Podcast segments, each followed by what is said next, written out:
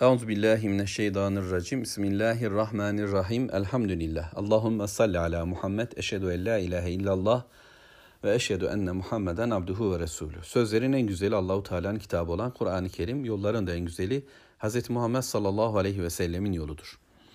Necm suresini okumaya başladık elhamdülillah. Birinci ayet. Ve necmi izâ heva. Battığı zaman yıldıza andolsun ki diye tercüme edilmiş. Yıldızın kaybolduğu dem sabah namazına doğru seher vakti biliyorsunuz. Seher vakti en kıymetli vakitlerden istiğfar etmek, dua etmek için. Bununla birlikte gecenin karanlığının en koyu olduğu dem diye söylenir. Ve bu dem sabahın yaklaşmasını, fecrin başlangıcını da işaret eder. Sanki yıldızın bu şekilde kaybolması, batması, gitmesi artık bütün bilgi kaynaklarının bilgisinin geçersiz olduğu bir dem başlamıştır ve vahiy inmiştir. Şimdi artık vahiy ile birlikte yeni bir çağ geldi. Muhammed Aleyhisselatü Vesselam'ın çağı, asr Muhammedi yani vahiy çağı Allahu Teala'nın son kitabının sözünün etkin ve egemen olacağı dönem. Bu bakımdan yol gösterecek tek bir çizgi var. O da Allahu Teala'nın çizgisidir. Bunun dışındaki çizimler, yol gösterilerin hiçbirisi insanı cennete götürmez. Dünya hayatta da bir çözüm sunmazlar. Bilakis kaos, sıkıntı, stres, gerilim ortaya koyarlar. İkinci ayet şöyle. Ma dalle sahibukum ve ma gava. Sizin arkadaşınız olan Muhammed Aleyhisselatü Vesselam o ne sapıttı ne de batıla yöneldi. Yani iki ifade var. Birisi dalle, birisi gava. Ve ma dalle sahibukum. Önce isterseniz bu arkadaşınız bölümünü konuşalım. Peygamber sallallahu aleyhi ve sellemi Mekke dünyasına bu sizin arkadaşınız, sizinle birlikte olan, sizin tanıdığınız bir insan diye Allahu Teala sunuyor ki öyleydi. Onlar onu severlerdi. Peygamber Aleyhisselatü Vesselam'ı ve içinden çıktığı Haşimoğulları Mekke'nin sevilen bir toplumu ve Resulullah sallallahu aleyhi ve sellem güzel ahlakı, güvenilir e, tavırlarıyla Mekke'nin en önemli simalarındandı, simasıydı. Yani insanlar belki ona Darun Nedve'de bir yer vermediler. Daha o yaşta değildi. Parlamentoda temsil edilmiyordu. Ya da e, herhangi bir güç ifade eden bir makamda, mevkide, bir ortamda değildi. Fakat bütün Mekke'nin e, ortak kabulü olan bir cümle vardı ki o Muhammedül Emin'di, güvenilirdi. Yani kendisine danışılır, kendisiyle paylaşılır ve hiç arkana dönüp bakma denilebilecek bir kimseydi. Bunu böyle biliyorlardı. Ve bu bildikleri adam Allah'ın Resulü Muhammed sallallahu aleyhi ve sellem şimdi bana vahiy geldi demiş ve Allahu Teala bana seslendi. Allahu Teala sizin hayatınızın yanlış olduğunu ancak şu gelen bilgiyle doğru, doğru bir hayat yaşanılacağını, cennet yolunun bu şekilde gidileceğini bana işaret etti diye onlara okuyunca gelin Allah'tan başka kendisine ibadet edeceğiniz hiçbir ilah yoktur. Hayat ancak Allahu Teala'nın dediği şekilde şekillenir. Ve ben bu işin yöntemini biliyorum çünkü bana Rabbim söyledi. Ve mutlaka bundan dolayı da hesaba çekileceksiniz. Hayat sadece bu dünya değil, bunun bir ahiri var diye. Kur'an'ın genel ifadelerinde hep gördüğümüz mevzuyu yani bu maksadı onlara anlatınca, bütün ayetleri bunları söylüyordu neredeyse.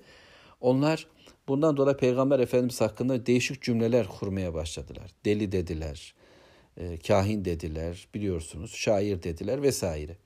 Ama Allahu Teala dedi ki bakın sizin bu arkadaşınız içinizde onun güvenilirliğini, dostluğunu, e, ne olduğunu bildiğiniz bu kişi kesinlikle sapıtmadı. Sapmak biliyorsunuz doğru yolda giderken bilmeden bir takım işlerle, heva hevesler, arzuların peşine takılmalar, bir takım hedeflere ulaşma gayesiyle ana yoldan açı sapmalarıyla değişip gitmektir. Makas atıyorsun ve yan yollara girerek kayboluyorsun. Arkadaşınız kaybolmadı. Arkadaşınız hedefinden sapmadı. Bir sapma içine, bir yanılgı içine, bir bozulma içine düşmedi. وَمَا غَوَى Aldanmadı da. Aldatıcı hale de gelmedi. Biliyorsunuz rüştün zıttıdır gava. Yani olgunluk var. Allah'ın istediği bir hayat yolu var onun zıttında bir yolu da tercih etmedi.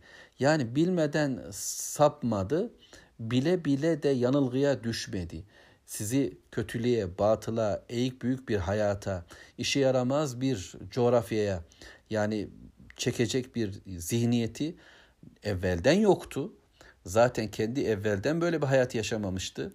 Şimdi bunları söylerken bu nasıl olabilir? Arkadaşınız yolu doğru. Dalalette değil ve o kendisi yanılgının, batılın, hüsranın, bozukluğun içinde olan birisi de değil. Ve ayet 3 وَمَا يَنْطِقُ عَنِ الْهَوَى Heva hevesinden de konuşmuyor. Peygamber sallallahu aleyhi ve sellem kendi hevasından, arzularından kaynaklanan bir söz de söylemez. Şimdi bu iki ayette üç konu var. Dalalet var, dalle ifadesiyle, gava var ve şimdi de heva var. Peygamber aleyhissalatü vesselam hevasına göre konuşmuyordu. Dünyanın diğer tüm felsefeleri, ideolojileri, dinleri, e, batıl yolların hepsi heva kaynaklıdır. Arzulardan yola çıkarak yani insan arzusudur. Ya bir grup insanın arzularıyla diğerlerine hakimiyet kurulur ya bir diktatörün hevası bütün insanların arzularının önüne geçer ve bütün insanı mecbur onu desteklerler. Yani ya demokrasinin tek e, adam yöntemiyle işlediği toplumlar vardır ya çok adamların diğerlerine hakim olduğu toplumlar vardır. Ya putlar pervaz olur, önümüze dikilir. Onun ardından insanların hevaları, arzuları topluma egemen olur. Ama nihayetinde bakalım ki yani insanların bilgilerinin ön plana çıktığı, insan gözlemlerinin, insan duyumlarının, insanların laboratuvarlarında teleskoplarıyla tespit ettikleri bilimlerinin vesaire şiirlerin hepsinin ardında ne var? İnsanların hevası vardır, arzuları vardır, insanlıkları vardır. Yani mideleri vardır, cinsellikleri vardır, bedensel ihtiyaçları vardır, zihinsel ihtiyaçları vardır, kalbi ihtiyaçları vardır vesaire. Ve tüm ideolojiler, felsefeler, tüm dinler bunları e, bunlar kaynaklı olarak ortaya çıkarlar. Ama ilahi olan Allah'tan gelen vahiy ise insanların hevasına göre değil, Allahu Teala'nın göndermesine göredir ve insanların hevalarını, arzularını da yok saymadan onları da güzelce tatmin eden, onları da doyuran nitelikte insan fıtratına uygun olarak gelir. Ama hevalar başkalarının hevalarını hiçe sayarak hakimiyet oluştururlar. Benim arzularım başkalarının arzularının önüne geçer ya da bir grubun arzusu diğer grupların arzularının önünde durmaktadır. İslam ise Allah kaynaklıdır. İşte dedi ki Muhammed sallallahu aleyhi ve sellemi tanımlayan bu ayetler Mekke dünyasına ve bugünkülere.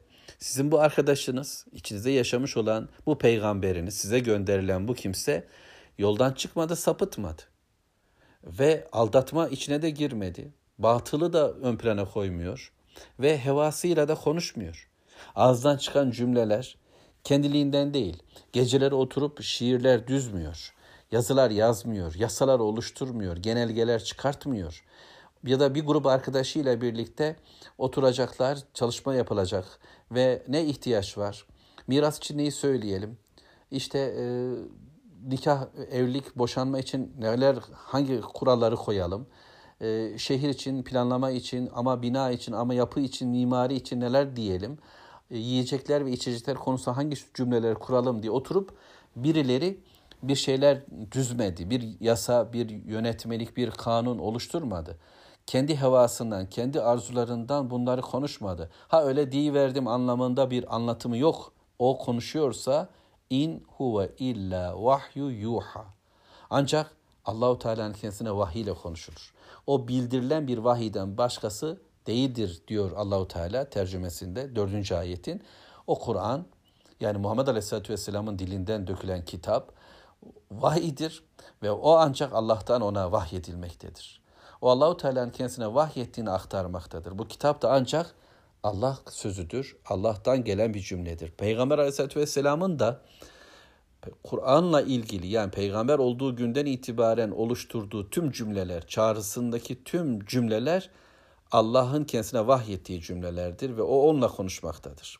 Peygamberimizin Kur'an olarak söyleyişi de Kur'an'ı ifade etmek, açıklamak, ortaya koymak, inzar ve beşir için kullandığı tüm dünya cümleleri dünyada bu dünyaya ait olarak söylediği ama kendisinden söylediği cümleler de vahiy ürünüdür. İnşallah cümlem doğru olmuştur.